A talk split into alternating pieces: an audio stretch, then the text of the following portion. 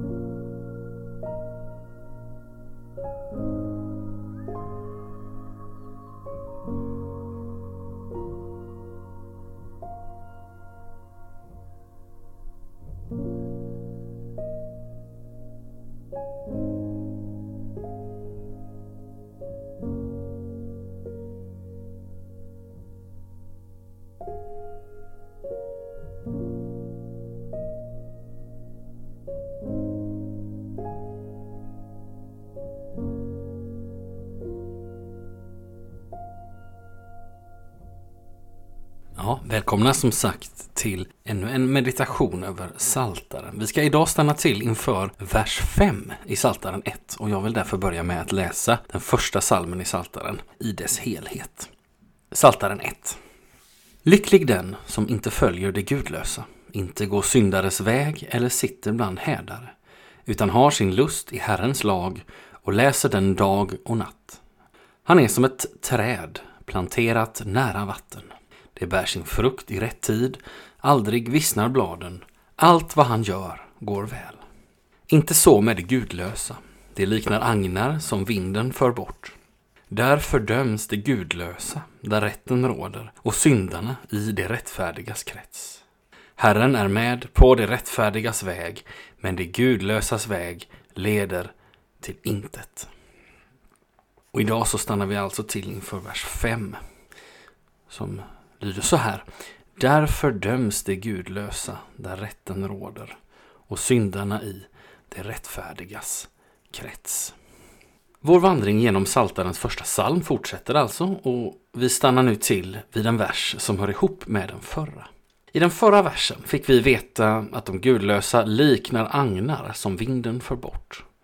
I dagens vers fortsätter beskrivningen av de gudlösa, som vi får veta döms där rätten råder och syndarna i det rättfärdigas krets.